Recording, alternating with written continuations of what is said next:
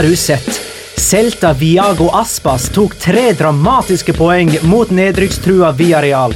Etterpå grein han som en unge, slik vi alle gjør når vi innser at enten Aspas eller Santi Casorla spiller i Segunda neste sesong. Og det mens Getafe spiller Champions League. Eller gjør de det egentlig det? Det kan jo ikke gå bra, det kan ikke skje, det. La liga loca. En litt gærnere fotball. Ja, ja, ja. Dette er episode nummer 69 av det ordinære slaget. Uh, Podkasten heter La liga loca. Eh, med Jonas Giæver, hei. Hallo. Petter Wæland, hei. Hei sann. Og Magnar Kvalvik, hei. Hei, Magnar. Hei. Går det bra? Ja, det Og det er smalltalk-perioden. Ja, det går, eh, det går ganske så bra. Jeg er eh, eh, kvitt både vondt i ankel og vondt i rygg, så nå fungerer jeg som et eh, habilt menneske igjen, i hvert fall fysisk. Uh, Visste ikke at du hadde ilt i ryggen òg. Du har liksom ilt en plass. Ja, jeg har det. Ofte. Nå, nå i siste har det vært veldig veldig mye merkelig. Uh, da jeg først endelig var ferdig med litt av de ryggplagene, så tok jeg jo ankelen min på vei hjem fra trening. Uh, da jeg hinket rundt i store deler både på krykker og det som var. Nå er det forholdsvis greit igjen. Petter, har ikke du sprunget halvmaraton siden sist, eller var det før sist? Det var siden sist. Mhm. Så jeg er veldig happy. Hei, gratulerer. Takk. Pådrog ikke deg noen belastningsskader på det? Nei, ikke annet enn uh, Altså, du vet når man uh, sklitakler på kunstgress, i hvert fall sånn gammelt kunstgress, så får du sånn prikkesår på leggene. Mhm. Ja, Sånn fikk jeg helt opp under eh, de edlere delene. Ja, ja. For uh, etter at jeg Altså eh, eh, Ja. eh, for jeg løp fra Spydeberg til uh, Mysen. Det Som kan er man hvor langt? 21,2. Ja. Uh, og det kan man egentlig dele inn i eh, tre forskjellige deler. Du har fra Spydeberg til Askim, Askim til Slitu, Slitu til Mysen. Når jeg passerte Askim, da begynte gnissinga i lårene å gjøre vondt allerede da. Så annet enn det, så er formen fin. Men er ikke det sånn som man kan lese seg opp med hvilket utstyr man skal ha i skrittet? Ja, men eh, jeg er av den eh, natur at jeg gjør ting først, og så oppdager jeg at ting ikke gikk bra, og så leser jeg meg opp etterpå. For å ikke gjøre den samme feilen igjen. Nemlig Petter har vel eh, to barn, så han må jo ha litt utstyr uh, mellom skrittet. Jeg òg begynte å lese meg opp etter å ha sykla uh, styrkeprøve noen ganger først. Fytti katta. Yeah, yeah. Nei, nok om det, altså. I dag skal vi snakke om uh, den dramatiske nedrykksstriden, den vel så dramatiske kampen om fjerdeplassen, Zinedine Zidane sitt merkverdige laguttak og sjølmålet til Victor Sanchez.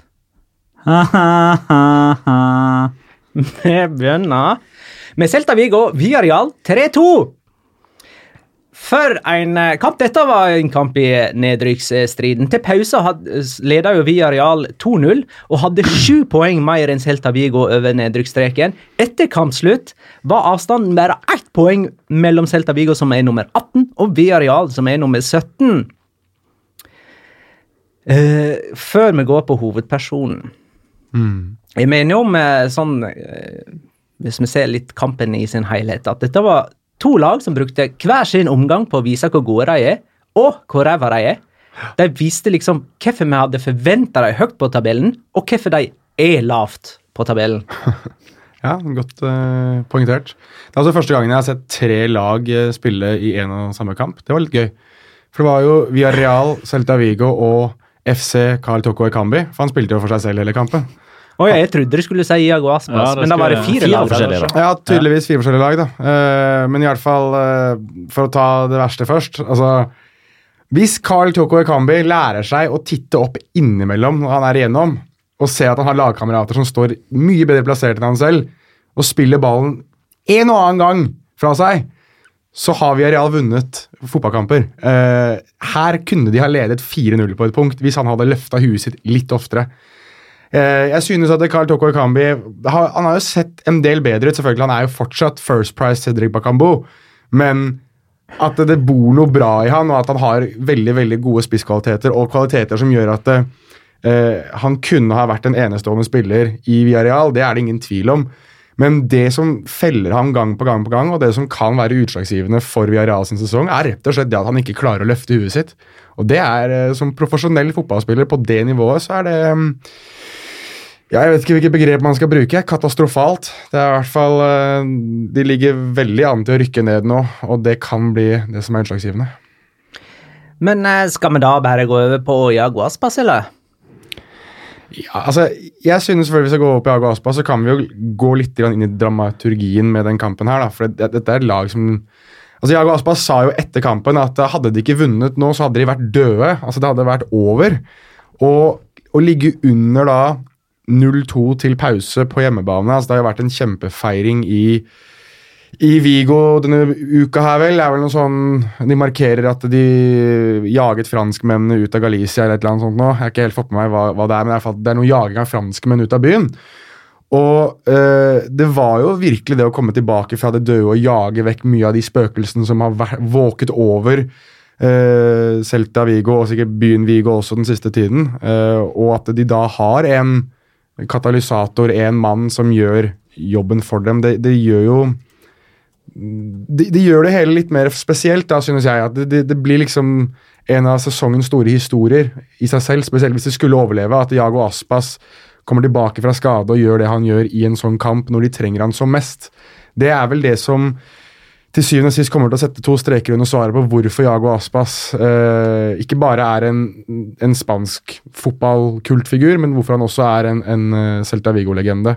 De snakket om at han skulle ha et monument for seg selv, eller få et monument utenfor stadion etter kampen. Han ble spurt om det. Han har jo så å si vært ute med skade siden før jul. Han hadde vel et innhopp, hadde ikke han det, for litt siden, og så skulle han inn en gang, men var fortsatt skada og måtte trekke seg. Ja, det Var ikke det den ene kampen de vant i løpet av den perioden? der? Altså, De har jo vunnet én kamp. Ja, de har vunnet én kamp ja, var, det, var det hjemme mot Sevilla? Ja, det kan da var han i troppen og drev ja. og varma opp. Ja, så bare det at han var i oppvarming, hjalp det jo til å vinne. Mm. Han, og i perioden så har vel også Maxi Gomez bare skåra ett mål. På straffe. Ja. På straffe. Har han eh, da har faktisk til og med glemt hva han heter, han portugisiske treneren, for han kom og gikk så fort. Miguel Cardoso. Miguel Cardoso. Uh, fikk han i det hele tatt bruke Jago Aspas noe særlig? Så, ja, det var den ene mot Retafe, hvor han måtte, når han kom inn. Ja, ok. Mm. Ja. Så det var liksom Var det, Ble ikke han ansatt i november, da? Cardoso. Kom han så tidlig?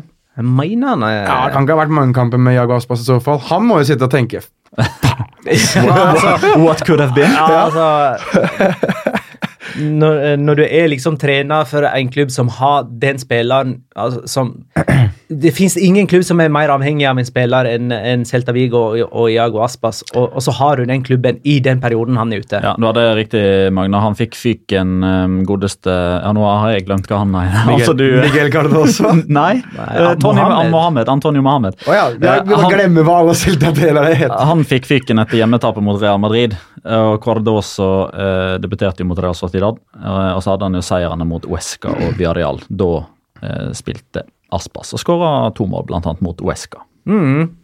Og så starta han altså nå for første gang i 2019, og skåra både frispark og straffemål. og ja, Han tilrettela vel ikke for Maxi Gomez. Han var ikke involvert i den. Det men det er jo han som får Maxi Gomez til å skåre likevel, for han gjør jo alle spillere bedre. Ja, men jeg, Du, du bommer jo ikke helt der. for hvis du, Jeg har sett den skåringa der til Maxi Gomez et par ganger bare for å se hva slags involvering Aspas egentlig har. Og det er to, Jeg kommer ikke helt på hvilke to forsvarsspillere det er for Villarreal, men det er to som nesten følger mer med på ham enn de gjør inn i boksen. Og Victor da, Ruiz tippa jeg den ene. Ja. Og eh, hva, Hvem var det som tapte den duellen, da? Nei, Det er jo Alvaro Gonzales som var ja, okay. ja, det er ikke Alvaro men, det, men det er ikke han. Det er jo han som spilte venstreback. Det er ja. jo Pedraza, det, da. Pedraza må ha vært det. Begge de to følger jo mer med på hvor Aspas er, og Maxi Gomez får jo stå da alene sammen med Alvaro inn i boksen. Nei, uh, Quintilla var det. Quintilla. Ja. Så han også alene med, med Gomez i boksen, og da er det én mot én. Og, og, vi vet jo hvor rå Gomez er i de fysiske bataljene. og og jeg mener jo, Den sjansen der og den muligheten til å gå opp alene med, med en midtstopper hadde han ikke fått tror jeg, hvis ikke Aspas hadde vært på banen og det hadde vært så stort uh, oppmerksomhet. Ja, Vi skal kanskje være litt forsiktige med å tillegge han veldig Nei, Vi gir jo Messi kred for sånne ting som det, da. Vi har jo gitt han at forsvarere følger mer med på Messi og kanskje gir mer rom til andre spillere. og Det er jo litt jo det samme her òg. Eh, og så ble han jo bytta ut da, på 3-2. Ja. Og da satt han altså på benken og grein. Men ja, og det var ikke sånn uh, latevariant eller et lite snufs. altså. Det var, det var gråtning. Han Ja. grein. Ja, Det gjorde han, og, og det var uh, Han var rørt.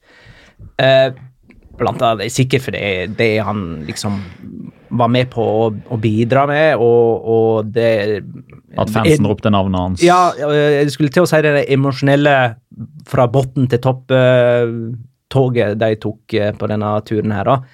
Eh, også det, den herre ubetinga hyllesten fra fansen, som på en måte kjører nesten litt sånn Messi sånn Aspas, Aspas Ja, han, fikk han fikk jo spørsmålet av uh, reporteren rett etter kampen. altså, hva, hva er det du gråter for? Er det fordi du har vondt? eller er Og da sa han jo at det var nei, litt pga. alt. altså Det var òg fordi han hadde vondt. Uh, og dermed òg så gikk han jo videre inn på hva dette betydde for han og familien, eh, visste først og fremst hva han hadde gått gjennom.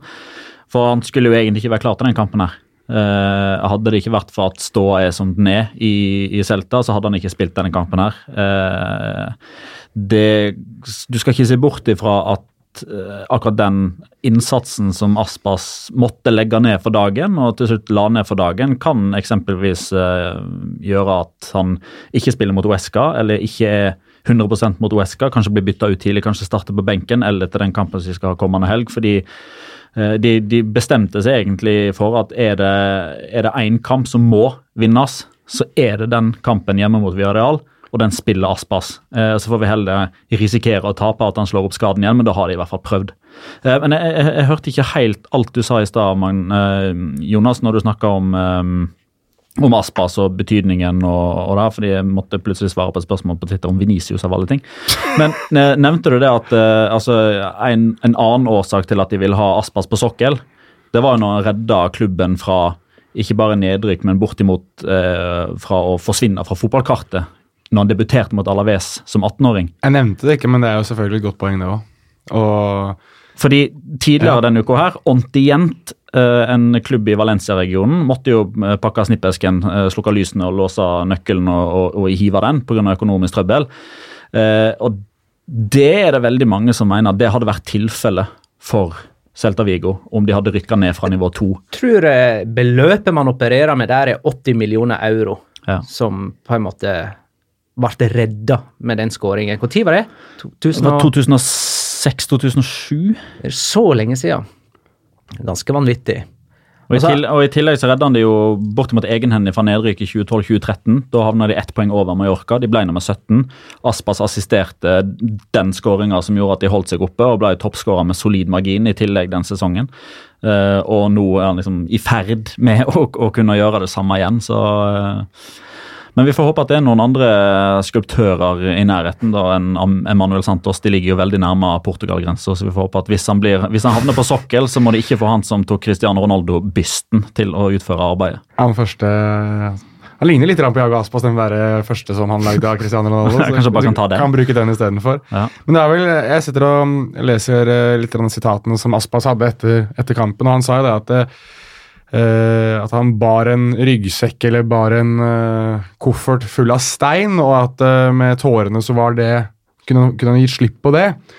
Og det som jeg synes er det, det, det mest imponerende med, med Jago Aspas, og nå nevner jo Petter, og du nevner jo selvfølgelig at han, dette er blitt gjort før, og det er jo noe som de aller fleste spanske fotballsportere allerede vet, men det at han klarer å motivere seg selv til å gjøre det gang etter gang etter gang. Altså Han er en fotballspiller som med flere anledninger har vist at han holder et mye høyere nivå, og sikkert kunne spilt for enda større klubber og vært med på enda mer suksess. Men eh, jeg tror noe Jago Aspas viser på lik linje som spillere som f.eks. Eh, Chai Prieto i, i Real Sociedad, eh, og også selv om han er på et litt annet stadie, Francesco Totti i, i Roma, er litt det at du skal ikke undervurdere hvor viktig det er å ha et hjem, og hvor viktig det er å ha den emosjonelle følelsen i dagens fotball som preges i stor grad av penger, av eh, berømmelse, av det å være størst, være viktigst, så viser disse eh, personlighetene og disse fotballspillerne at det er noe som betyr mer innimellom.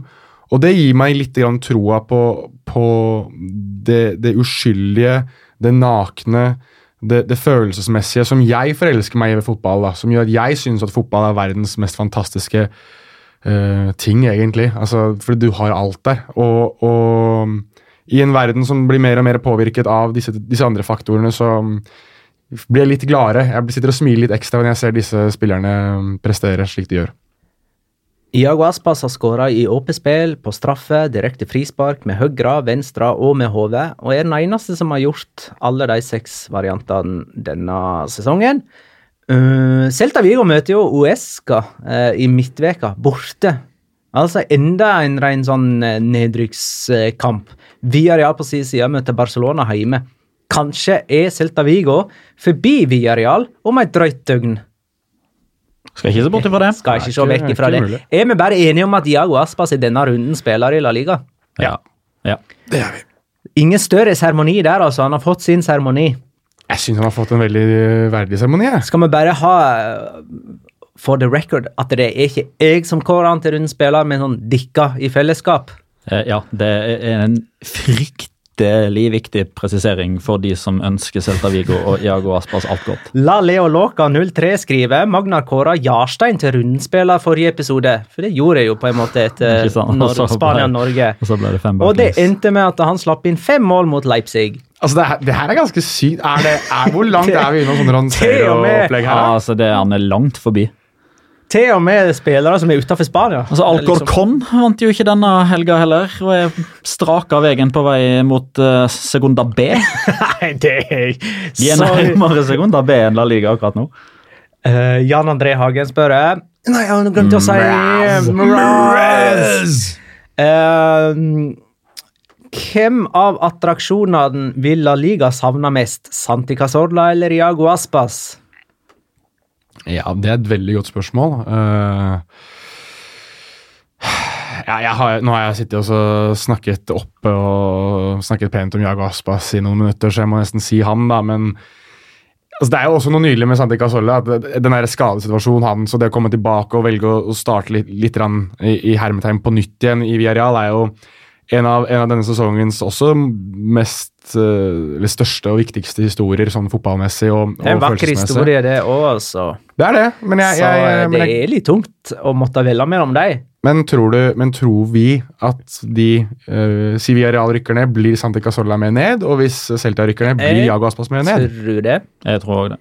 Ja, men det, jeg er ikke Men eh, vi kan jo eh, Altså, Levante er ikke i eh, Eller er i faresona. Uh, Valladolid er i faresona.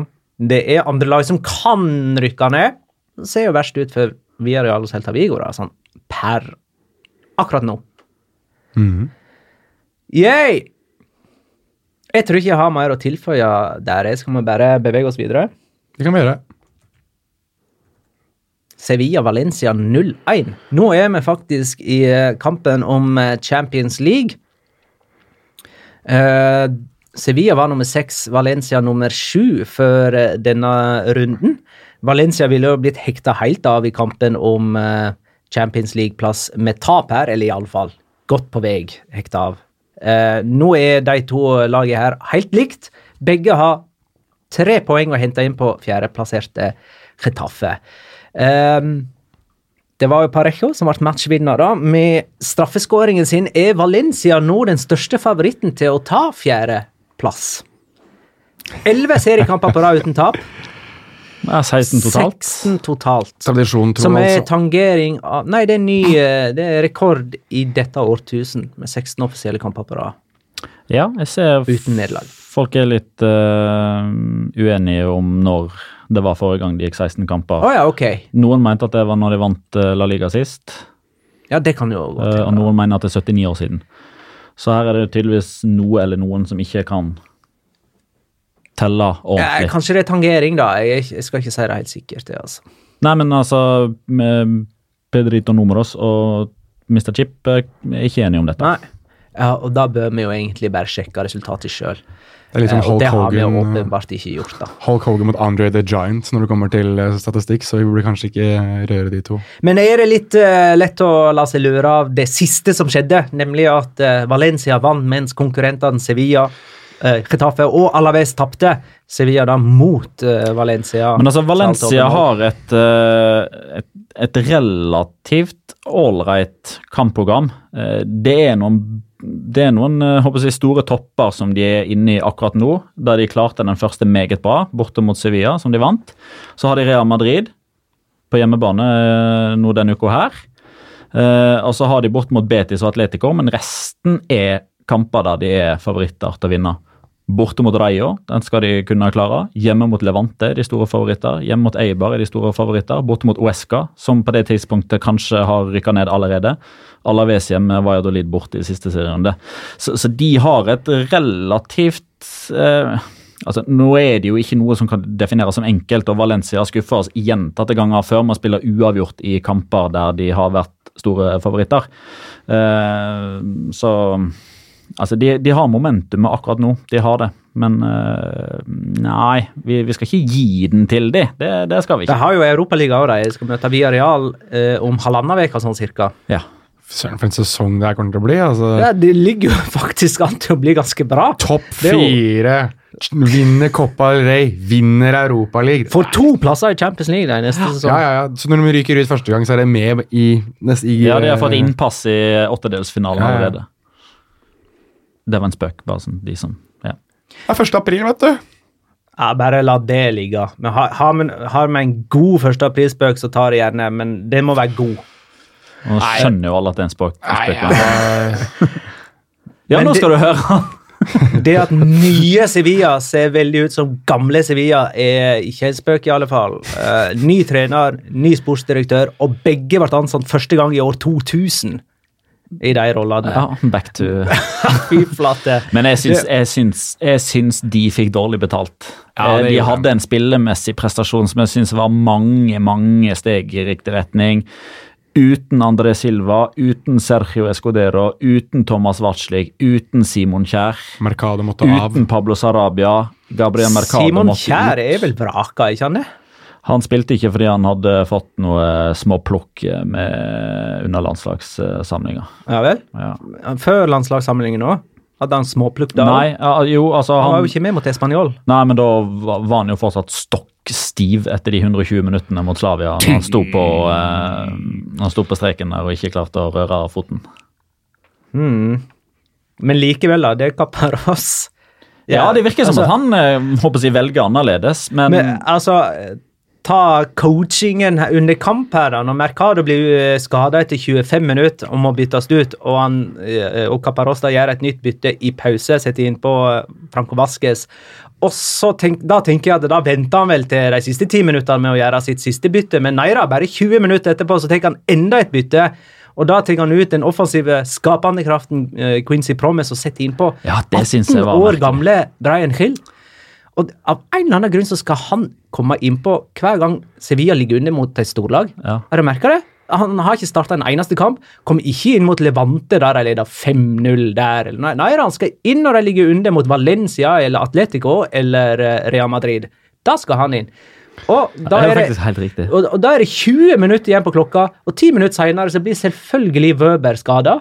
Og spiller med én fot de siste ti minuttene. Men jeg, jeg, jeg husker det faktisk veldig godt når du sier det nå, altså hvor merkelig det var at Promes ble tatt ut. For det.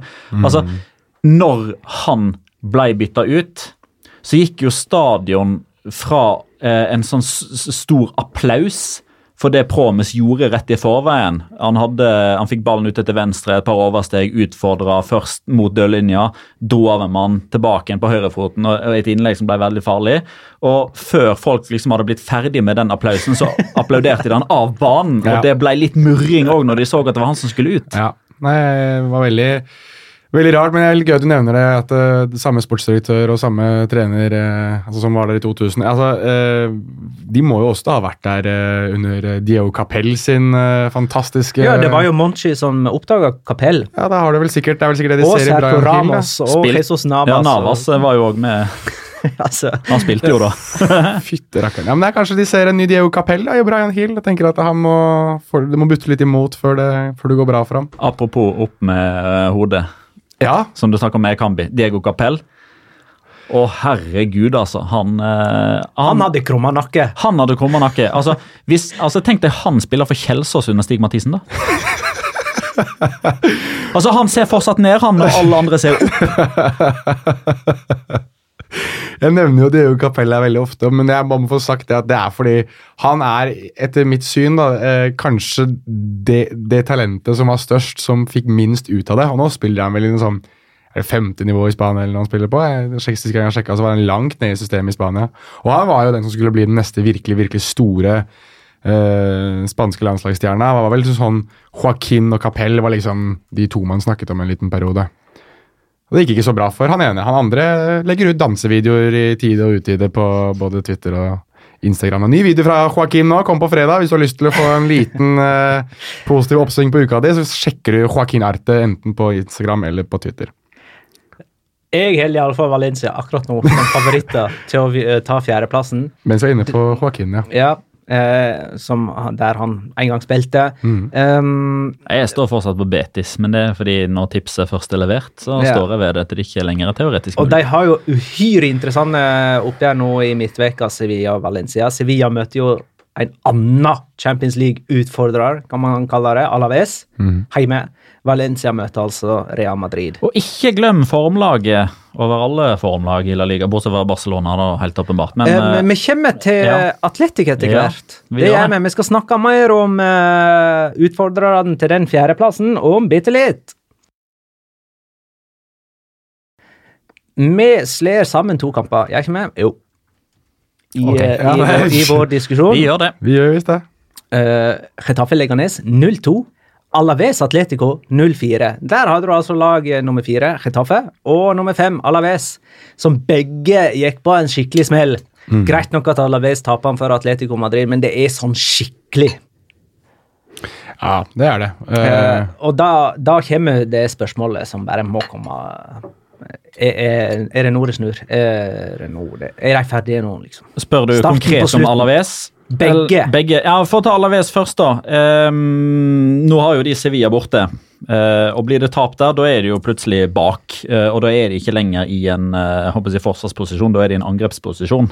og da må de da faktisk ta flere poeng enn Sevilla resten av sesongen for å holde de bak seg. Så det, det er nøkkelkampen. Basert utelukkende og isolert sett på den eh, Atletico Madrid-kampen, så syns jeg ikke det. For altså, Alaves er et lag som de taper fotballkamper i, i tid og utide. Det, det gjør de bare. Eh, og Vi har jo snakka litt om det tidligere, at fjerde- og femteplassen, Retafe og Alaves, de er der liksom på nåde fordi resten har underprestert. Um, eh, og når de først skal tape, eh, så er det liksom ok, greit. Eh, gjør det mot Atletico Madrid, da, som man faktisk da kanskje forventer at de skal tape mot. Skal de først slippe inn fire mål, gjør de en og samme kamp, da, for da blir det null poeng uansett. Eh, men de har, har liksom tenkt akkurat den tanken der gjentatte ganger tidligere om at nei, nå nå er det slutt for, eh, for Alaves, uh, bl.a. når de tapte hjemme mot Raja Vallecano. Mm.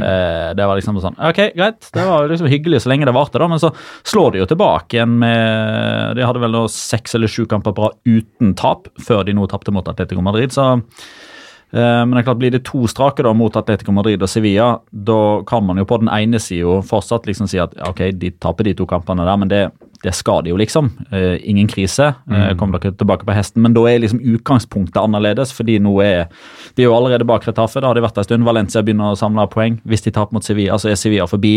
Uh, Atletic, som vi skal snakke om etterpå, har virkelig fått opp dampen. Så um, Sevilla Alaves, det kan være, liksom, være eller ikke være for begge to, egentlig.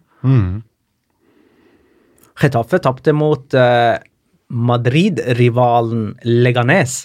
Smaker ekstra godt for Leganes å hindre en annen type veslebror å stille seg i spotlighten? Skal jeg sitere Willy Reilo, eller forstår alle hva svaret blir da? Nei, fortell. Svaret er ja. Svaret er ja. Svaret er ja. Svaret er ja. Det er jo de to lagene som altså Når jeg tenker Chetaffe og Leganes, så tenker jeg jo mye eh, fysisk spill, mye duellkraft, mye dødballsituasjoner, mye mange stopp i spillet, og ikke minst Ivan Cuellar i mål. Eh, og da vet jo at det blir veldig mye Og han, had, han var jo i gang igjen. Så du den han hadde rundt sånn ti på halv tre utpå formiddagen der, eller?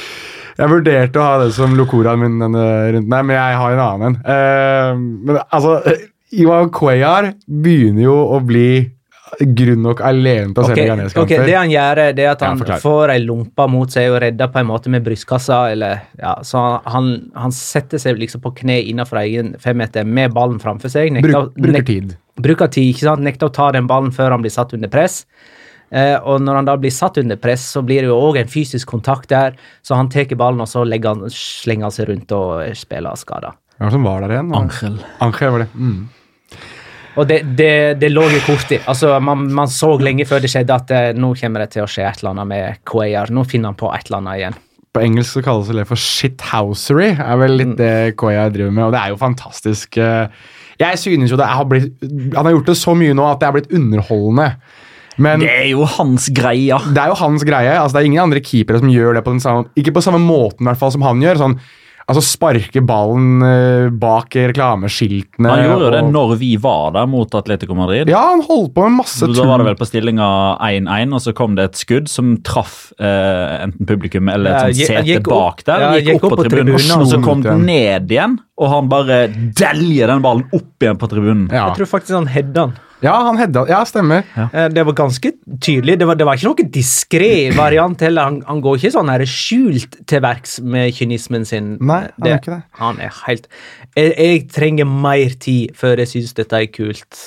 Nei, men, nei, men jeg, tror, jeg mener at det, det er noen gang Jeg er i hvert fall sånn som at jeg kan irritere meg mye over noe en spiller gjør, eller noe en person gjør, og så gjør de det så ofte og det, at det på en måte blir Det er sånn chartersvein. Altså, Ivan Cuellar er litt som La Ligas chartersvein. Det er pinlig, og det er flaut å sitte og se på det når du begynner med Men til slutt så er det bare sånn Det er sånn han er. Vi må bare akseptere det, og så må man nesten prøve å like det litt. Ivan Cuellar er jo ikke overraskende da den keeperen som har fått flest gule kort eh, i La Liga denne sesongen. Han har fått fem. Alle fem for drøying av ti. Der har du det. Men, men skal vi snakke litt om Atletico Madrid? Ja, du gikk Eh, om liksom- litt. Ja, ok. Uh, jeg bare tenker Retafe møter Español borte Mhm. om et døgn eller noe. Ja, som- det er en slags lakmustest, da? Ja, det er det. Og der har jeg troa på at de er tilbake igjen, uh, i hvert fall på poengsporet. Ja, Eh, For Retafe har tapt sju kamper i La Liga denne sesongen. Samtlige har blitt spilt i Madrid. Oi! Altså, de, de, har, de, har, altså, de har tapt fem hjemmekamper. De hører til i Madrid. Uh, og de to bortekampene de har tapt denne sesongen, er mot Real Madrid og Atletico Madrid. Har de kun tapt to Så de- bortekamper? elleve kampene de har spilt på bortebane utenfor Madrid denne sesongen, så har de ikke tapt. Hvordan har det gått i Catalonia, da? Ja. Hæ? Catalonia. Hvordan har det gått i Catalonia? Eh, altså, De møter Girona. jo Español nå. Har Barcelona møtt, har de eh, ikke møtt nei, ennå. Og møtt Girona. Girona har de Slo de ikke Girona? møtt. Men eh, og de, har, de de spilte ikke. uavgjort 1-1. Ja, riktig. Nei, men eh, da er det testen, da. Alaves møter altså Sevilla på Ramón Sánchez Pijuan. Det er jo en test, det òg. Selvfølgelig. Jo da. Det, altså, denne midtvekerunden, den uh, har så mye for seg. Det er Eh, runde 30 også, ikke sant? så nå er vi jo på 30-tallet. Ja, nå, da er vi i, i gang med sesonginnspurten. ja. Ja, det, Den starter jo nå. Altså, Vekk med landskampene. Nå Nå skal det avgjøres. Ja. Nå begynner moroa. Men eh, skal vi snakke om Atletico, da? Ja, det synes jeg. Her har. Jonas mye på hjertet. Så Nei. jeg tar meg en kaffe, og så setter jeg meg godt tilbake i stolen. Har du mye på hjertet, Jonas? Nei, ikke sånn ekstremt mye annet enn at eh, Atletico Madrid har blitt Real Madrid. Altså, Du vet ikke hva du får lenger. Det er um, uh, altså, de, de, de satte jo opp i en, en 4-3-3, um, Atletico Madrid, som jeg synes var mye mye morsommere å se på, mye mer spennende å se på. Jeg syns Thomas LeMar kom mer til sin rett i det laget her enn han har gjort tidligere. Um, synes, 4-3-3, unnskyld meg, var det det? Det ligner jeg Jeg tolka det som en 4-4-2. ja, altså. De satte opp som 4-3-3 på lineupen på Twitter, iallfall. Eh, Jeg synes altså, så. jeg, jeg syns det var vanskelig å definere det i et sånt veldig konkret eh, Jeg syns de varierte litt, eh, og det er jo en fin ting å hadde jo gjøre. både Lemar, Griezmann, Morata og Ja, Diego etter, et, Costa. et, det var etter pause. LeMar kom jo inn for Ja, Diego han kom inn, han. Ja. Var det da, kanskje? Det så mer Ja, ja. Ja, det, Ja. det var mer utprega 4-3-3 fra start av i første omgang, og så gjorde man en, en viss endring når LeMar kom inn for Diego Costa. Han kom inn, han. Og da kommer. Lemar også inn litt mer sentralt i banen, synes jeg. Altså øh, Du kan godt, altså 4-3-3-4 Hvordan du vil sette opp, det har ikke så veldig mye å si for min del, egentlig. Men at det var et mer, at det var et mer Uh, Hva heter det på norsk? Fluid system. altså Det var, det var enklere. altså Det var mer, eh, Fleksibelt, da. fleksibelt, Det var mer po posisjonsendringer mellom spillerne. Det så ut som det var Det lå mer variasjon bak angrepene deres enn det, enn det tidligere har gjort, synes jeg. da, Og det var mer gøy å se på. jo, det kan jo faktisk være at de angriper i 4-3-3 og forsvarer seg i 4-4-2 og har den Ja. typen Det er jo veldig vanlig at lag Mm. eh, gjør det, så det, du kan være inne på noe der. Men jeg synes i hvert fall det at eh, de så ut som de kunne angripe på flere måter enn det at de skulle få de to lengst foran til å kombinere og så ha en stikker igjennom, og så fylle på sånn som de har gjort veldig mye i denne sesongen her. Greit nok at de får, en, de får jo en ganske tidlig scoring som selvfølgelig åpner Eller to tidlige scoringer, egentlig, som åpner mye av kampen for dem, og, og Alaves må jages. Det kan jo være at vi blir lurt litt sånn sett, eller at jeg blir lurt litt sånn sett. Nå skal jeg kun snakke for meg selv. Men, eh, men jeg synes uansett at det, det, er, det er spennende å se at eh, Diego Simione tydeligvis tenker litt nytt da, i det at han ønsker å angripe med flere og ønsker å ta større sjanse, for det har vi, jo, har vi jo etterlyst eh, hele denne sesongen her. Men igjen så går vi tilbake til det at Atletico Madrid kan se kjempegode ut mot Juventus på hjemmebane, og neste uke så er de helt ræva dårlig, taper mot Juventus, taper mot Atletic, og nå vinner de 4-0 borte mot et lag som jager uh, europaplass. Så jeg får litt sånn Real Madrid-vibber, Real Madrid 2018-vibber av Atletico Madrid. fordi ene uka så er de bånn i bøtta, og jeg sitter og snakker om at dette er eh, enden på visa for Simione-æraen. Og så vinner de 4-0 borte mot et veldig sterkt og veldig godt Abelardo Alaves. Så sånn Jekyll og Hyde på de to øh, største Madrid-lagene. Så jeg øh, velger å utkåre Atletico Madrid som det nye Real Madrid. Ja. De møter jo eh, Barcelona til helga. Ja, hvis det, hvis, det, skal være Real Madrid Ja, ikke sant? Ja, sant. Hvis det skal være Real Madrid, så skal dere få juling til helga, da. Ja. Vi venter eh, med å Nei, de får juling nå mot Girona hjemme i midtuka, og så gruser de Barca på kamp nå. Ja, ok. Ja, Hvis det er sånn annenhver. ja, hvis det er annenhver, så er, det jo, er jeg med deg. Eller så taper de begge to, for Real Madrid er ikke så god mot Girona som regel. Lucas Hernandez er klar for Bayern München. 80 millioner euro. Nest dyreste forsvarer gjennom tidene. Og den ja, dyreste ja. som uh, har blitt kjøpt til Bundesliga, vel. Mm. Ja, Det, det er jo tror jeg er med ganske klar margin nå, altså. Men uh, jeg har ikke helt I Bundesliga, ja. Ja. Jeg lurer på om det var sånn 45 Ja, eller altså, noe de, sånt som var de summene i, i Bundesliga har vært ganske lave. Det skal jeg finne ut av. Men det handler om også litt om at Bayern München er veldig flinke på å kjøpe innad i ligaen sin nå. At de får gode priser for, eh, for spillerne sine innad liga. Og i Tyskland så er det jo De, er bære, de har en bærekraftig modell, altså økonomisk modell. Ja, de kjøper som regel de lagene under Bayern München da, kjøper som regel litt billigere og velger å utvikle de spillerne framfor noe annet. Se på, f.eks. Dortmund, da, som henter, henter Jaden Sancho fra eh, Manchester City og kommer til å selge ham for 150 det- 150 millioner euro. Men det er jo først og fremst et eh, framtidstap, dette, for Atletico. da. Ja. Det, han har jo ikke vært sånn Altså, han har vært kjempegod når han har spilt, men han har jo ikke spilt mye. Nei, Han altså, bare varsler liksom at eh, han er den neste stopperen for Atletico Madrid. Enten det, han er stopper på venstre bekk eller stopper på sentral midtstopper, liksom. ja. Uh, og det forsvinner. Nei, jeg er helt enig. Uh, og jeg skrev jo litt om det på Twitter, for jeg er litt sånn het på grøten for å få sagt noe her. Fordi jeg um, På en måte så synes jeg at det kan, det kan være utrolig skummelt for uh, Atletico Madrid sin del at det er en av de spillerne som var, var Det var prestisje rundt å få signere på en ny kontrakt, var han, uh, José María Jiménez, Antoine Griezmann eh, De fikk vel Diego Godin på en ny ettårskontrakt da. De valgte å bruke mye penger på Thomas LeMar. De hadde jo den vanvittige signeringsbonanzaen sin med, med han, Jelson Martins, Kalinic osv. osv. Uh, Rodri. Og, og de skulle bygge noe. De skulle lage det virkelige fundamentet for et Atletico Madrid-lag som kunne være med og kjempe helt i toppen i, altså i år etter år etter år. Altså Simione på ny kontrakt. Dette, dette skulle bli noe ekstremt stort. da. Og Forsvaret, når, når, når Diego Din nå etter all sannsynlighet går til sommeren, så skulle nok det forsvaret bygges rundt Lucas Hernandez og José María Jiménez. Og da, da er jo det et skikkelig skudd for baugen at den kanskje største lederstjerna i Forsvaret, da, eh, etter altså Hvis du tenker at Godin har gått, da, og kanskje Jimenez er litt helt, på, helt i toppen innimellom, kanskje han er den litt sindige, med tanke på at han er, han er en VM-vinner, han er den som kanskje skulle være den som skulle ta dem videre de neste fem årene. da. At de mister han, er jo et, er et signal til også resten av spillerne og resten av spillergruppa at eh, kanskje veien vekk fra Atletico Madrid ikke er så lang da, som man skulle tro. Jeg tror at veldig mange av de spillerne, de beste spillerne nå sitter og tenker litt på sine egne fremtider også. At eh, vel, Når han, når han som så ut til å bli så viktig for oss, han som er så god, velger å forlate dette prosjektet, hva er, vits, hva er vitsen for oss for å bli her da? Eh, Thomas Partey skåret et bra mål. Ja, Meget solid. Meget Eh, skal vi Ja, Jeg sjekker opp der, det. Bundesliga-greiene. Ja. Den dyreste fram til nå var faktisk Julian Draxler, som ble kjøpt av eh, Wolfsburg i forkant av 15-16-sesongen. fra Og hvor kom han fra? Så kanskje ikke. Var det den Schalke, vel? Ja, det var den dyreste fram til nå. Jeg tror han var Schalke.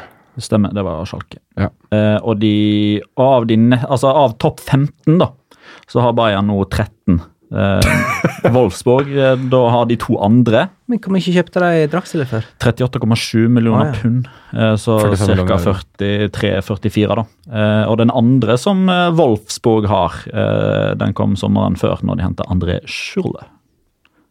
Fra Chelsea? Det var fra Chelsea, ja.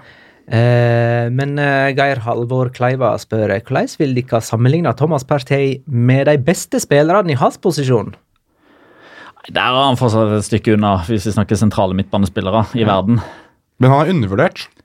Jeg syns han er undervurdert. Jeg liker han, altså. Ja, jeg ser for meg eh, Men, men problemet her er da at for at Thomas Partey virkelig skal bli så god som han kan bli, Som han spiller. som enten Kåke, Saul eller Rodrigo bort, Han må spille mer. skjer det? Eh, Ja, det går rykter om Saul, men altså jeg, hører hva du sier, Jonas, og jeg kan være liksom tilbøyelig til å være enig i at før eller siden så får man kanskje en sånn synergieffekt med at eh, ok, siden han stikker, så stikker jeg òg, men litt usikker på om Lucas Hernandez er den som trigger det. altså, For du skal ikke glemme det at disse ryktene her kom allerede i november.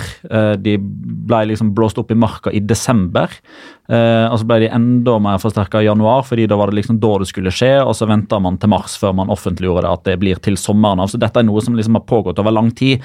Dette er ikke noe som skjer typ, greit, vi klarer ikke å, gå videre til kvartfinalen i Champions League engang, til tross for at vi vinner 2-0 hjemme mot Juventus. I'm out of here.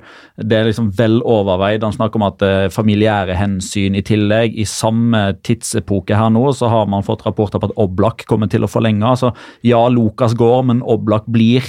Så jeg er ikke like sikker på Nei, jeg sier ikke at det kommer til å skje. Nei, men jeg, vet- du, jeg vet at du, du har tvitra en del om det, og du snakker om det nå, men jeg, jeg, jeg tror ikke det skjer. Henrik Wold spør hva syns dere om dokumentaren om Grismann? Stemmer det! Jeg har et kvarter igjen. Jeg har ikke sett Vi gikk inn for landing i Oslo når jeg så den. Du kan jo fortelle om om Jeg har ikke sett den heller. Det er altså en uh, Grismann-dokumentar på Netflix. Making of a legend. Ja, his, eller på norsk, da. 'Historien om en legende'. Ja, Det er egentlig en filmatisering av disse bøkene som man kan få kjøpt i eh, dagligvarebutikk, med disse store stjernene. Sånn lettleste Messi-bøker og Neymar-bøker. Det, det er en sånn variant, bare at det er i film, egentlig. Bare en time. Ja, Der man trekker de veldig store linjene av hva som har skjedd, eh, og så blir det brutt opp med en sånn eh, type på innsiden-variant av når de vinner VM, med klipp fra hver kamp under VM. Med, med lidenskap og besluttsomhet ble Antoine Griezmann en av verdens beste fotballspillere og verdensmester, til tross for at han ikke rager så høyt over bakken. Ja, Det er sånt som står på baksida av disse bøkene om Neymar og Messi. Og Cristiano Ronaldo. Regi, produksjon, Ikke Antoine Cristiano Griezmann. Ronaldo, kanskje, for han er ganske høy. Jo, men, Messi typ en sånn eh, variant. Men Jeg lurer eh, på om den, eh, den setningen tilpasser det norske markedet. Så, eh, liksom, det å være høy, det, da er ikke du god eh, fotballspiller hvis ikke du er høy. Ikke Liksom. sant? Eller er det litt engelsk òg, kanskje? mulig. Nei, jeg, Al altså, jo, men altså den, den, er, den er fin å bruke en time å se på hvis du ikke har noe annet å gjøre under en flytur, f.eks. Men, men skal, du se, skal du se noe som inneholder enten Netflix eller HBO eller Amazon, eh, som har noe med spillere i La Liga å gjøre, se på Six Dreams i stedet. Ti ganger bedre. Men, nei, men kan, bare for å spinne litt videre på det. Uh, bare Griezmann, for det er også noe vi har blitt spurt om, om han kan være aktuell for å gå til Barcelona. Jeg vet ikke hvem som spurte om det, men det var i hvert fall i den tweeten vi la ut. Og, og jeg tror jo i hvert fall uh, at det, sånne ting som det her er sånn som jeg kan forestille meg at kan ødelegge for altså, Ikke ødelegge, men jeg tror ikke Barcelona synes sånt er så ekstremt moro. Nei, det er jo det rapportene tilsier, da, at de ble så for lynende forbanna over den der eh, dokumentaren som Piquet var med på å lage. La decision. Ja, altså når, okay, når, når han dropper de på den måten der, det er litt sånn, ok, greit. Seil din egen sjø. Ja, men det er, fordi jeg, jeg får sånn flashback til da altså Neymar, De har jo hatt litt av dette her med Neymar. da, En kar som har et veldig stort ego, som har lyst til å vise det fram på mest mulig måte. I Barcelona så er det Lionel Messi som er størst, og du skal ikke utfordre den posisjonen der. Og jeg tror Griezmann jeg tror Griezmann har behov for å være størst der han er, og derfor tror jeg at han passer så perfekt i eh, systemet, altså utenfor banen, systemet til Atletico Madrid, der han er høvding og nummer én. Og så kan man diskutere om hvorvidt han passer seg veldig godt på banen. Virker som eh, sånne der strømmetjenestedokumentarer er den nye sjølbiografien. Nå har fotballspillere slutta å skrive bøker, nå blir det dokumentarer om dem i stedet for. Eh, Barcelona er Spanjol 2-0. Messi skåra 2-0-målet etter herlig forarbeid av Malcolm. Før det hadde Victor Sanchez skåra sjølmål. Jeg er ikke, til å føre i min statistikk at Messi bare har 30 mål eh, akkurat nå. Nei, altså, Messi hadde det der frisparket der han lobba over muren til Español. Victor Sanchez rygga fra muren og mot sin egen strek, og da så jo ut til å ha stålkontroll på den frisparket, skulle bare hedda ballen unna, men hedda han altså i mål. Har han hatt en offisiell uttalelse på hvordan det kunne skje? Ikke som jeg har lagt merke til. Jeg skal gå inn og se om det ligger noe på sport eller Oi, når jeg går inn på sport her nå, så står det for øvrig et sitat fra Enrique Cedeso, som er Atletico Madrids eh, direktør. Griezmann blir i Atletico Madrid 1000% 1000 prosent! Ja. All Hvor mange prosent er det fortsatt å gå på da? Kan man nå 2000? Han er jo da strengt tatt uh, både Ex on the Beach og Paradise Hotel rullet inn til én. Uh, men uh, for å svare på spørsmålet ditt, da, det står faktisk altså Grisman Sequeda, NL Atletico al mil por mil. Altså 1000 av 1000. Oi, Ja, ok. Så, Det kunne òg ha vært 1005 av 1005, da. ja. Ehm, nei, altså eh, Frisparket til Messi Det er jo Messi sin scoring, for den ballen går jo på mål. Så vi er egentlig ferdig med, med den. Det, liksom, det som skjer er at Han rygger, så ser han ikke at keeper kommer, og så hører han sikkert noe, noe skriking, og så reagerer han han, Det mange spurte, var hvorfor header han den i mål? Hvorfor header han ikke den ut? Ja, sånn type eh, rett tilbake. Ja, eller rett men, ut igjen. Men det kan jo hende han prøver å heade han litt sånn til sides, eh, liksom få han ut av farlig sone Ja. eller annet. Så skal ikke jeg, så skal jeg si at Og så er Busquets rett framfor han også, så det kan hende han sliter med å eh, vurdere ballbanen eller et eller annet. ja, så er det keeper som kommer, og han skal sikkert snu og Nei, det ble bare surr, men uh, Det var ræva! Det var jo det. Ja, Det var jo ikke det. finn noen formildende Det var ikke omstendigheter. godt Dette, nok, det, dette var rett og slett bare Eh, for å ta en ny en fra La Leo Loca 03. Når var sist en spiller skåret tre frisparkmål mot én og samme klubb i én og samme sesong? Benjat! Sier du det? Mm. Betis mot Sevilla. 2011-ish. Gjorde han det? Ja. Mot eh, samme klubb, ja. Men ikke samme keeper, da, kanskje? Jo. Å ja. Hva var keeper. Pallop. Javi Varas, var det så tidlig for han? Enten han eller Kan ha vært Beto, kanskje? det hadde vært Nå- gøy. Bjørn altså- Tore Kvarme. De, Hei! eh, Sevilla og keepere, der er det en ganske lang liste. Eh, men han eh, altså Messi skåra jo eh, tre mål på direkte frispark nå mot Diego Lopez. Så ha, gjorde han det jo mot Gorka i Raisås for et par sesonger siden òg, men det var inkludert Copa del Rey. Ja, det teller ikke. Teller vel ikke det. Nei, nei, nei. Um, mange har lurt, på- eh, spurt oss eh, om Malcolm. Javi Varas. Hva har, har vi? uh, Malcolm uh, hadde jo et eh, nytt eh, innhopp med eh, en demonstrasjon av hvor spennende han er. Hadde, eh, vil ikke dere være enig i det? Er ikke Jo. han mer spennende i Continuo hver gang han spiller? Jo. Kosta ikke like mye, dessverre. Så får du ikke spille Nei, det er jo noe med det. Han har vel ikke kontraktfesta at han skal spille 90% av kampene fra start? Nei, han har vel ikke det, men jeg, men jeg er veldig enig med deg, eh, Magnar, at han burde spille mye mye mer enn det han gjør. For jeg syns nesten hver eneste kamp han spiller, så er han god. Altså, eller han har en påvirkningskraft og, og Uh, er såpass god med ballen i beina, kjapp, uh, teknisk briljant. Skaper ubalanse for ethvert lag han, Og så han er han mot ofte ute av troppen i det hele tatt, liksom. Ja, Selv ja. i kamper der man antar at det er lettere motstand og sånt. da. Han og Kevin Prince Boateng vet du, skulle spilt begge to, så hadde det vært uh, Ja, ok, i, i Boatengs tilfelle så er jeg ikke seriøs, men jeg er faktisk seriøs i Makoms tilfelle. Hussein Abdullahi spør er om Titi tredjevalget på stoppaplass, sånn som det ser ut nå. Uh, altså, Longley er jo veldig solid ved sida av uh, Piquet. Og så eh, ligger det jo litt uh, i kortet at det likt kommer etter hvert. Ja, det gjør det. Uh, det er et veldig godt spørsmål. Jeg uh, spiller den videre over til han på andre sida av bordet her, men jeg vil bare få sagt at den taklinga, eller den av, altså avskjæringa som Longley har foran Voulay eh, i andre omgang, Ja, den, er, den er verdensklasse, altså. Det er så bra. Jo, men han er jo verdensklasse. Longley? Ja visst. Syns du det? Midtstopper på Barcelona. Hvis du har, eh, hvis du skal, hvis du har en topp ti-liste over midtstoppere, har du han der inne da? Eh, Det orker jeg ikke å tenke på. Eh, Det var vel han der Sjygrinskij var ikke Han var midtstopper for Barcelona uten å være verdensklasse. Du snakker ikke dritt om legenden Dimitro Tsjygrinskij. Da går jeg. Petter, hva, Hva lurer du på? Er Tredjevalget om Titi, eller er han blitt tredjevalg nå i, i Barcelona? Nei, det tror jeg ikke. Eh, når Han spiller for Frankrike, men ikke spiller ikke for Barcelona. Ja, men det er fortsatt litt sånn eh, Vært ute lenge. Lengli Lenglet har gjort seg fortjent til å være Han var ute lenge. Mm. Kom igjen nå, må du nesten gi deg selv en sånn Askeladden-latter. Nei eh, eh, Jeg har lagt Ja, det er bra. Ja, det, det bra, det. Men Jeg har lagt Nei, bak altså, eh, litt. og- Ok, Hent den tilbake. Hent den tilbake. Én pikke, to omtid i tre Langli. Men, øh, men hvorfor er det sånn nå da at hvis Omtiti er frisk nok til å spille for Frankrike, og tydeligvis kan prestere der, så Men det var ikke Barcelona helt fornøyd med, skjønner du. Og fordi han spilte mot Frankrike, så ville de ikke kjøre han en tredje kamp på eh, halvannen uke etter å ha vært ute så lenge. Hva tenker du om Så ryktene? Piquet 1, Longley 2, Umtiti. Omtiti 3? Tenk det, hvis de hadde fått tilbake Samuel E2, så hadde de hatt Piquet 1, Samuel E2 og Omtiti 3. Ok. Nå, eh, Pave Francis uttaler til La Sexta. Jeg så det her! Klart det er gøy å se Messi spille fotball, men han er ikke Gud. Så Tobias tok feil altså sist gang han var inne. Sånn er det bare. 20 oppgjør i La Liga nå uten spanjolseier i Barcelona Derby.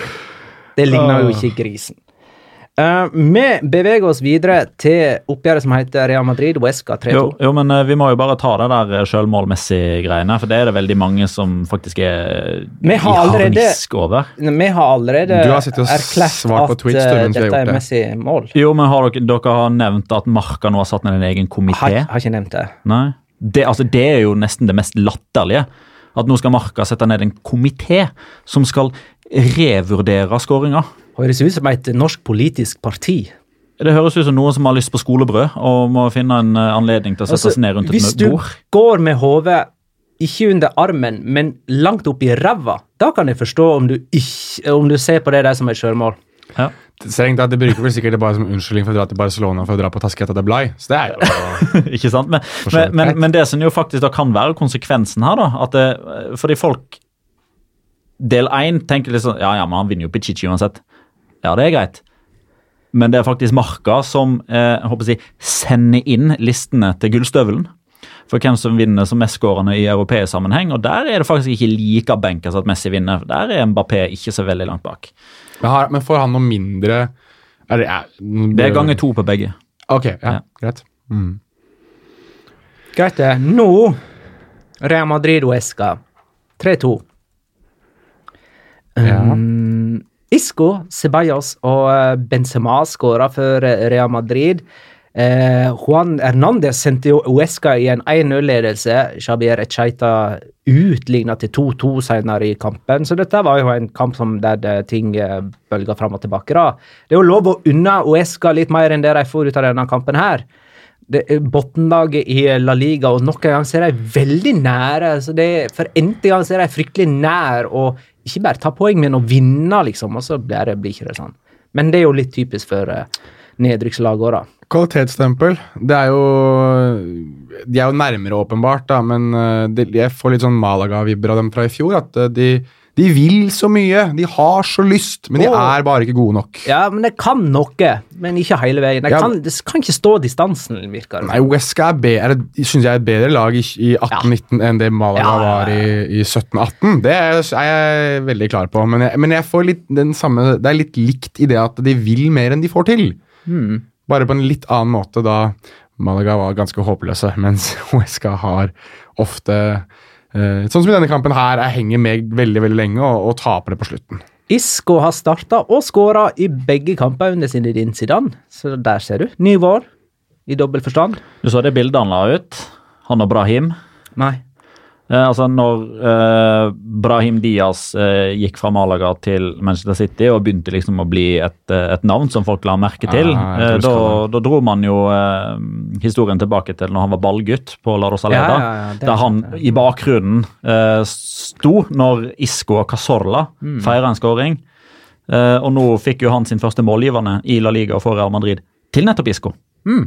Det var litt kult. Ja. Det var litt kult. Hele Madrid skriver han spanske venstrevingen til Real Madrid er ganske Brahim, men han blir vel lånt ut til sommeren.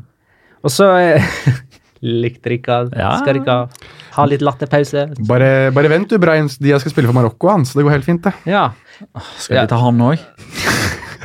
Fredrik. Bjørni fortsetter jo eh, den tråden, da. Betyr Dia sin ankomst at sannsynligheten for at Ødegaard blir solgt eller lånt ut, øker betraktelig? Er Diaz har de satsa mer på? Altså, dette her er litt sånn i uh, henseende at uh, Zinedine Zidane kjørte en voldsom rotasjon-type lagoppstilling i, i denne kampen. Eh, Brahim uh, var jo en av de som uh, fikk en sjelden start. Jeg syns det er utrolig vanskelig å vurdere han kommer til å bli, han må gå. Fordi det, det er så mange usikre kort der, og det ene Altså Avgjørelsen rundt én spiller eh, kan håper jeg, avgjøre skjebnen til spiller nummer to og tre og fire i køen i hver sin retning. Så jeg synes det er Skal vi heller se litt mer sånn overordna hva var greia med denne rotasjonen? Hva Er det liksom det å la alle få en seriekamp? La Til og med Lukas få- Ja. Eh, Jonas Otto Jensen spør hvor dårlig er egentlig sånnaden til Zinedine? Han er ikke bra, altså.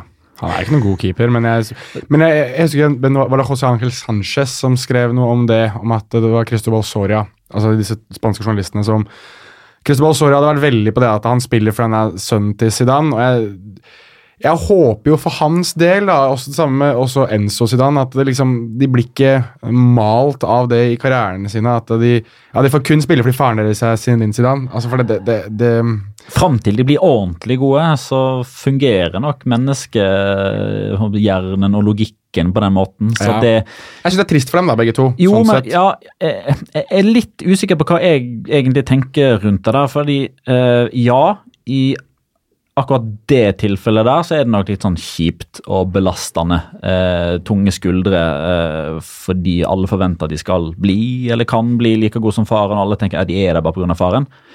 Men i noen tilfeller så er de der faktisk òg pga. faren, så det er liksom ikke bare negativt. Altså Det er en grunn til at så sinnssykt mange si, sønner av eh, sine fedre plutselig begynner å poppe opp i fotballen nå. Altså det, det er veldig mange tilfeller der jeg tror at eh, La oss si at altså, dette har ikke, har ikke, ikke noe belegg for å mene at f.eks. Justin Cloyfert er der pga. Patrick, men når han var 12 eh, eller 13 eller 7 Ja, jeg- eller jeg skjønner hva du 9, skal frem til. så kan Ja. det godt hende at han fikk muligheten i stedet for en helt annen som ikke hadde en pappa som hadde 700 skåringer på toppnivå. Eh, så det, man kan ikke bare synes synd på det, for det er nok tilfeller der de òg har blitt eh, håper jeg å si, det, det gode kinnet har blitt ventet. For det, ah, ja, ah, ok, ok, ja, kom her, du. Kom her, du. Um, Smile skriver Er Paul Pogba Real Madrid-spiller 1.9.? Nei. Skal, nei. Nei. Men, men for å si Das, jeg sier ja, jeg. ja, det, Skal er, evig jeg ta og skrive dette ned? Men kan jeg gjøre hvis jeg, hvis jeg, Nå løfter jeg begge hendene over hodet. Dere folk ser jo ikke dette, men jeg løfter begge hendene over hodet, og så lar dem røre akkurat over hodet mitt. Det her er Lucas Zidane. Det er rekkevidden til Lucas Zidane. Han har jo ikke rekkevidde. Altså, Jeg og Lucas Zidane har typ, jeg har, jeg har ganske brede armer, men jeg har ikke noen lange armer. Jeg og Lucas Zidane er ganske like akkurat sånn. Ingen av oss kunne egentlig burde stått i mål. Du dekker mer av målet når du står. Det gjør jeg. Så jeg har bedre forutsetninger for å stå i mål enn Lucas Zidane. tydeligvis, sånn sett. Fysiologisk så har jeg det. Nå er vi ferdig med Lucas Zidane. Vi er begge nordafrikanere for øvrig. da. Jan Markus Hjertås skriver Er det takk og farvel til Varan til sommeren? Der sier jeg ja, faktisk. Og hvis det er fordi han er snurt over at han ikke fikk vise fram eh, VM-pokalen som han var med på å vinne med Frankrike, som enkelte hevder er en av årsakene, da, hvis jeg hadde vært Real Madrid-supporter, så hadde jeg sagt good riddance. Herregud, det så latterlig hvis hørtes det er veldig merkelig ut. da. Ja. Kan ta Fordi det en gang til? At, Grismann eh, gjorde det? Rafael Varan, altså Disse rapportene har jo kommet nå de siste ukene. Ja, som også, kulminerte kulminerte i dag med at Ja. José Luis Sánchez og Jorge Ornes mener at nå har gitt beskjed om at han, han ønsker seg bort fra Real Madrid. fra Real Madrid. Og Disse misnøyeryktene har jo gått på at han skal ha vært snurt for at han ikke fikk lov til å vise fram VM-trofeet eh, som han var med på å vinne med Frankrike på Santiago Bernabeu. Ah, ja. Sånn som eksempelvis Antoine Griezmann fikk gjøre. Tom Alemar, Luca Det er jo langsint, altså. Da er, altså, det er en ny bakkerekord i sutring, altså. Men, da, men det er verdt å skyte inn 253 meter. det er en ny Vikersund-rekord. Men det er verdt å skyte inn, bare fordi dette blir jo også Med fall. Vi blir spurt om dette relativt ofte når vi, når vi legger ut om Eller jeg blir spurt om det også, men Hugones og Real Madrid-rykter det er som regel ganske troverdig, for det er Pedrerol, José Pedrerol, som vi vet at ha, som regel har veldig god kontakt med Florentino Perez, og når Perez vil ha noe ut, så får han som regel gjennom Jogones de la Sexta og Pedrerol. Og Sanchez. Og José, uh, José Angel Sanchez, nei, José Luis Sanchez. José Luis Sanchez. Det er Angel som jobber i Real Madrid. Jeg blander de to veldig ofte. I hvert fall, så For de som lurer på det Hvis du noen gang lurer på om Jogones de la Sexta er uh, troverdig i forbindelse med Real Madrid, ja. De Som er, regel. som, de er som regel regel. veldig troverdige. Men, men samtidig så minner dette, dette minner også litt om et sånt løp som man gjerne setter i gang fordi man vil ha bedre betalt. Men har ikke han nylig signert ny kontrakt, da? Han signerte ny kontrakt forrige, forrige sommer med en utkjøpsklausul på 200 millioner euro. Ja. Men etter det så har han blitt verdensmester, og etter det så, han Ja. skal, eh, så er Zidane tilbake igjen, og ja. Ja, du kan ha et poeng. Vant Champions League en gang til, gjorde de òg. Eh, vi får bare holde øynene Men vi er ikke ferdig med Real Madrid Wesca ennå. Ok. Med mindre det er noen som har den som Locora, med Cucho. Nei, ikke kom igjen. Han uh, debuterte for Colombia Mm. og skårte etter 83 sekunder. Her, han ble uh, intervjua etter kamp eh, her nå. Da hadde jeg slått av streamen. Ok. Nei, ja, fortsett. I debuten for det colombianske landslaget så skårer han etter 83 sekunder. I debuten på Camp Nou så skårer han etter 2 minutter og 7 sekunder. I debuten på Santiago Bernabeu så skårer han etter 2 minutter og 23 sekunder. Hei. Det er ganske dreit. Dette er jo selvfølgelig da fra Mr. Chip. eh, og det var så morsomt fordi grunnen til at jeg la merke til det, var at han, svarte på sin egen tweet med å eh, referere til det som ble sagt i samtalen på radio. For han sitter jo der i Radio Estadio sammen med programleder og eksperter, deriblant Jorge Valdano. Og Hvem, et, hvem sitter der? Jorge Val- Mr. Chip. Okay, ja. Mr. Chips. Eh, og etter at uh, Mr. Chip da hadde kommentert dette på lufta, 83, Uh, og så blir det da noe sånn 127 og 143 sekunder, så smeller det med, med fra Jorge Maldano. Faen, han blir jo treigere og treigere for hver gang, jo.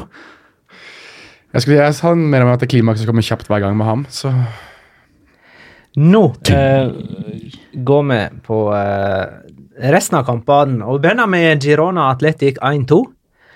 Eh, alle tre mål skåra med HV. Stuani først for eh, Girona. Williams utligna for Atletic. Raúl Garcia ga de eh, seiersmålet. Det er ikke lenge siden vi snakka om eh, nedrykksfaren for Atletic. Nå er de tre poeng bak Champions League-plass. Og på de neste kampene så er de Levante hjemme nå på onsdag. Chetaffe borte uh, til helga, søndag. Og Rayo Vallecano hjemme helga etter der. Det er ni poeng, det. Og den, den Oi, oi, oi. Oi, nei, Oi, det er verste jinx. Oi, det oi, oi. er, eh, ja, Du ja. sa jo Jeg må, hvordan det gikk med være- Real jeg må slutte å la ordet renne ut av truten. Real Sociedad vinner jo ikke kampen lenger heller. Så. Nei, de Men eh, eh, altså, dette her var jo serierunde 29, eh, men pga. den eh, eh, nye terminlistevarianten som har kommet, der man ikke følger slavisk serierunde 1-19 og 20-38 Uh, Altså det omvendte oppgjøret, uh, eller omvendte runden, da, det var jo serierunde 15. Så når det var Atletic Girona, da lå Atletic på 18.-plass. og nå er de tre poeng bak Champions League. 26 poeng på de første 14 seriekampene under Gaisca Garitano. Det er den beste starten på en trenergjerning i Atletic siden Hva blir det? Ronald Allen? 69-70 sesong. Ja, noen briter, det. Så det er Ronald Allen. Høres sånn ut. Enten Ja, det, det høres sånn ut. så var det nederlandske, nederlandsk inni der. Ja, det er Ronald.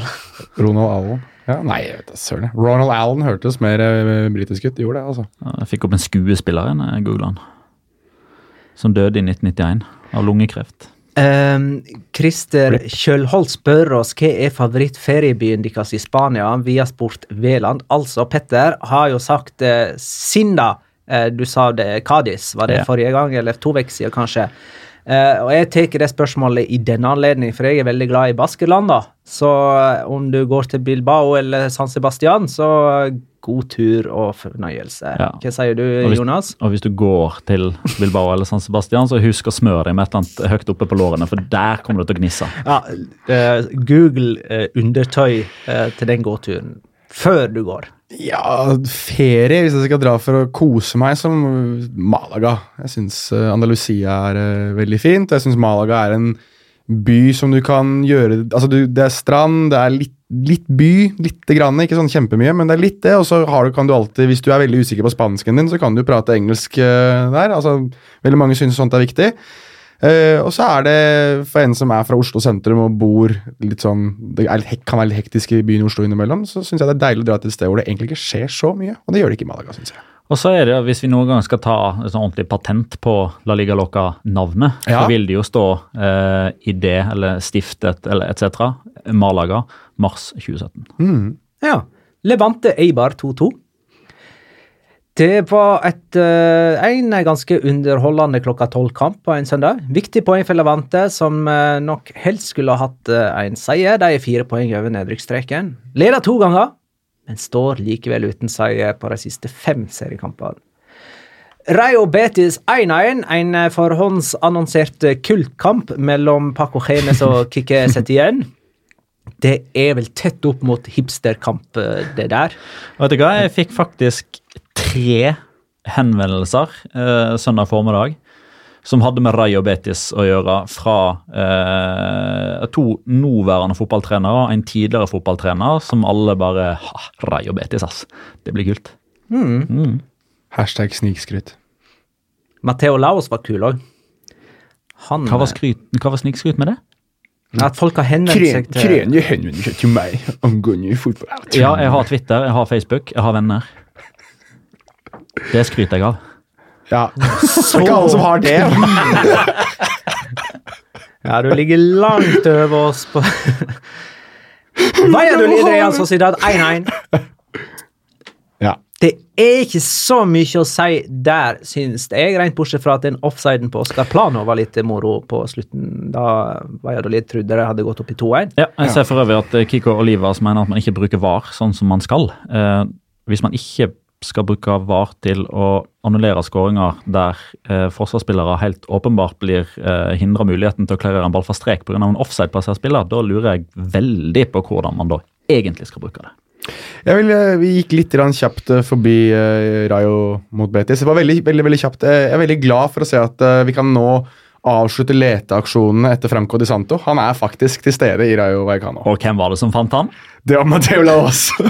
og det røde kortet viftet og veivet da Mateo Laos og Franco Di Santo møttes da på Vallecas. Og så er det så nydelig òg. Altså, han blåser av kampen, og så bare går han bort til Franco Di Santo, viser han det røde, klapper han litt sånn på bakhodet og viser han til garderoben. Ja.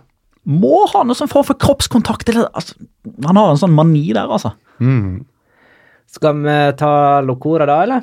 Ja. Det kan vi gjøre. Da er det tid for Locora! Ukens La Liga Locora. Locora. Locora. Locora. La Liga Locora. Eh, Petter. Jeg kan begynne. Eh, Vi har jo eh, i tide og utide gjennom alle år egentlig hørt om denne, eh, og jeg velger å si såkalte hjemmebanefordelen, som altså er så stor i fotballen. Man har altså universiteter, høyskoler, altså det har blitt studert dette her i alle bauger og kanter på hvorfor det er sånn. Hvorfor ender det med en så høy prosentandel med hjemmeseiere i alle sesonger, i alle turneringer, i alle land, i alle sesonger. Og det ser ut til å ende sånn i La Liga denne sesongen her òg, hvis man ser sesongbasert, men nå er det altså én, to, tre, fire, fem, seks serierunder på rad der bortelagene har bedre enten poengsum eller målforskjell. Seks serierunder på rad. Serierunde 24 så vant bortelagene tre, hjemmelagene vant tre.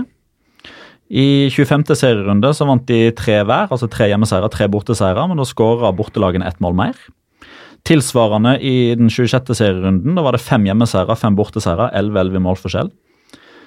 27. serierunde, fire hjemmeseiere, fire borteseiere, 16-16 i målforskjell. I 28. serierunde så var det tre hjemmeseiere og fem borteseiere. og Denne helga her nå så var det tre hjemmeseiere og fire borteseiere. Og Det er altså i en serierunde der både Real Madrid, Barcelona og Sevilla spiller på hjemmebane. Det er ganske sykt.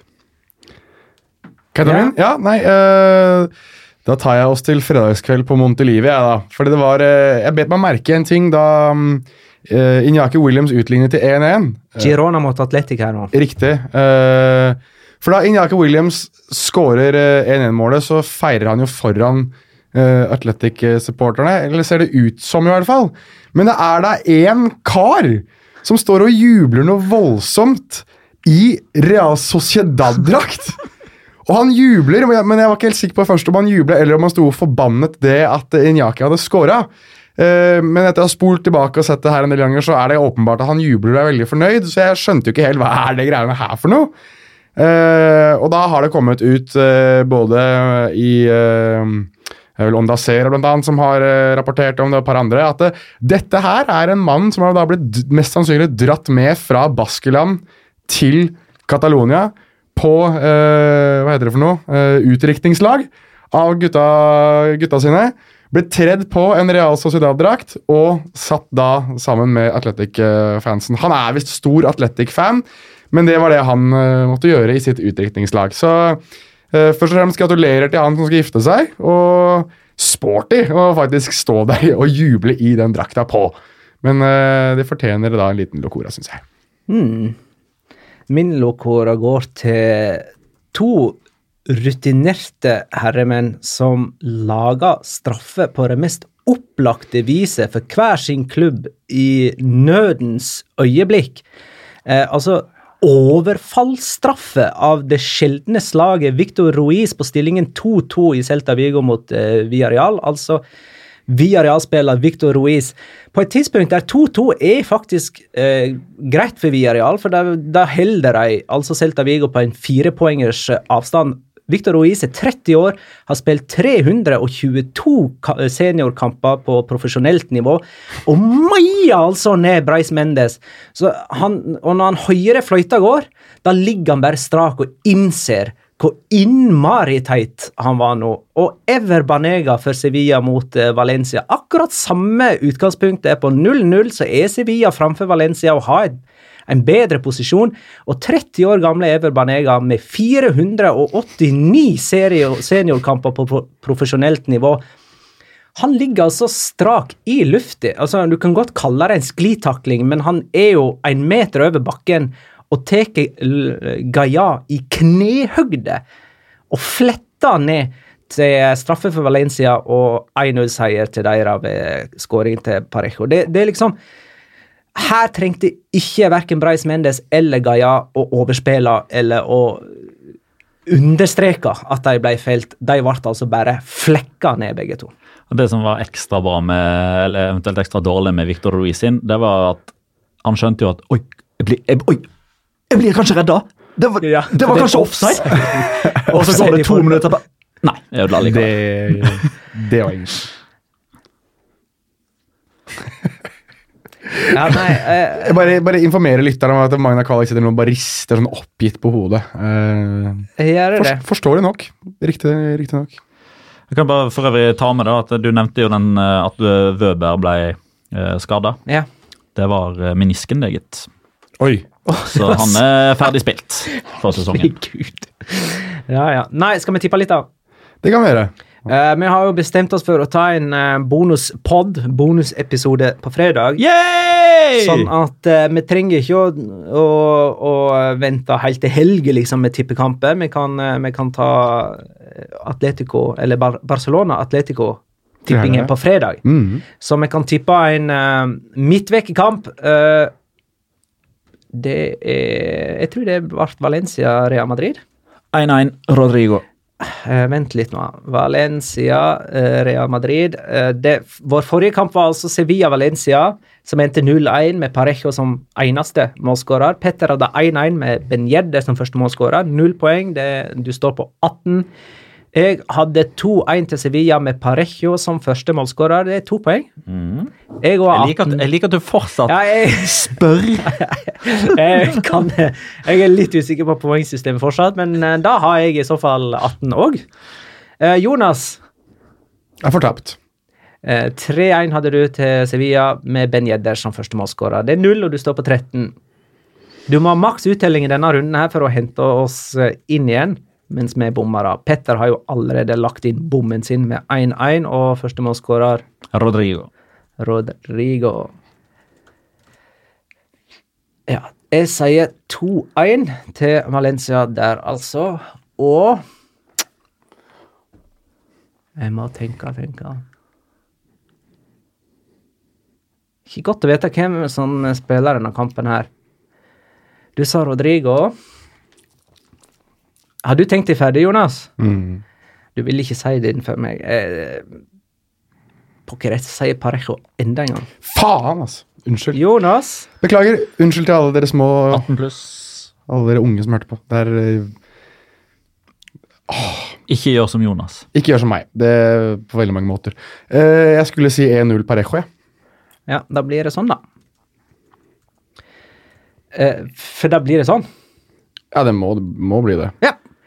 Kult. Nei, men da er vi tilbake fredag, da. Ja, vi er det. Nå ble jeg, nå ble jeg, jeg ble litt sånn, eh, litt sånn snurt over at uh, Parejo-valget mitt ble tatt uh, ganger to. Nå hadde jeg liksom, Dette er måten jeg skal passe på at ikke jeg må heseblesende Gikk deg ned, deg ned nå, Varan. Vralte meg gjennom Oslos gater i et halvmaraton på to mil, der kroppen min bare etter hvert siger sammen. Vi Jeg blir liggende og vræle i asfaltkanten et eller annet sted mellom eh, hva blir det for noe, Konge, eller Slottsparken og Tusen takk for alle innspill og spørsmål. Det er så fra møkk lei! Tusen takk for at Jonas du eh, gir oss positive tilbakemeldinger på iTunes. Tusen takk for at du lytta, kjære lytter. Ha det, da.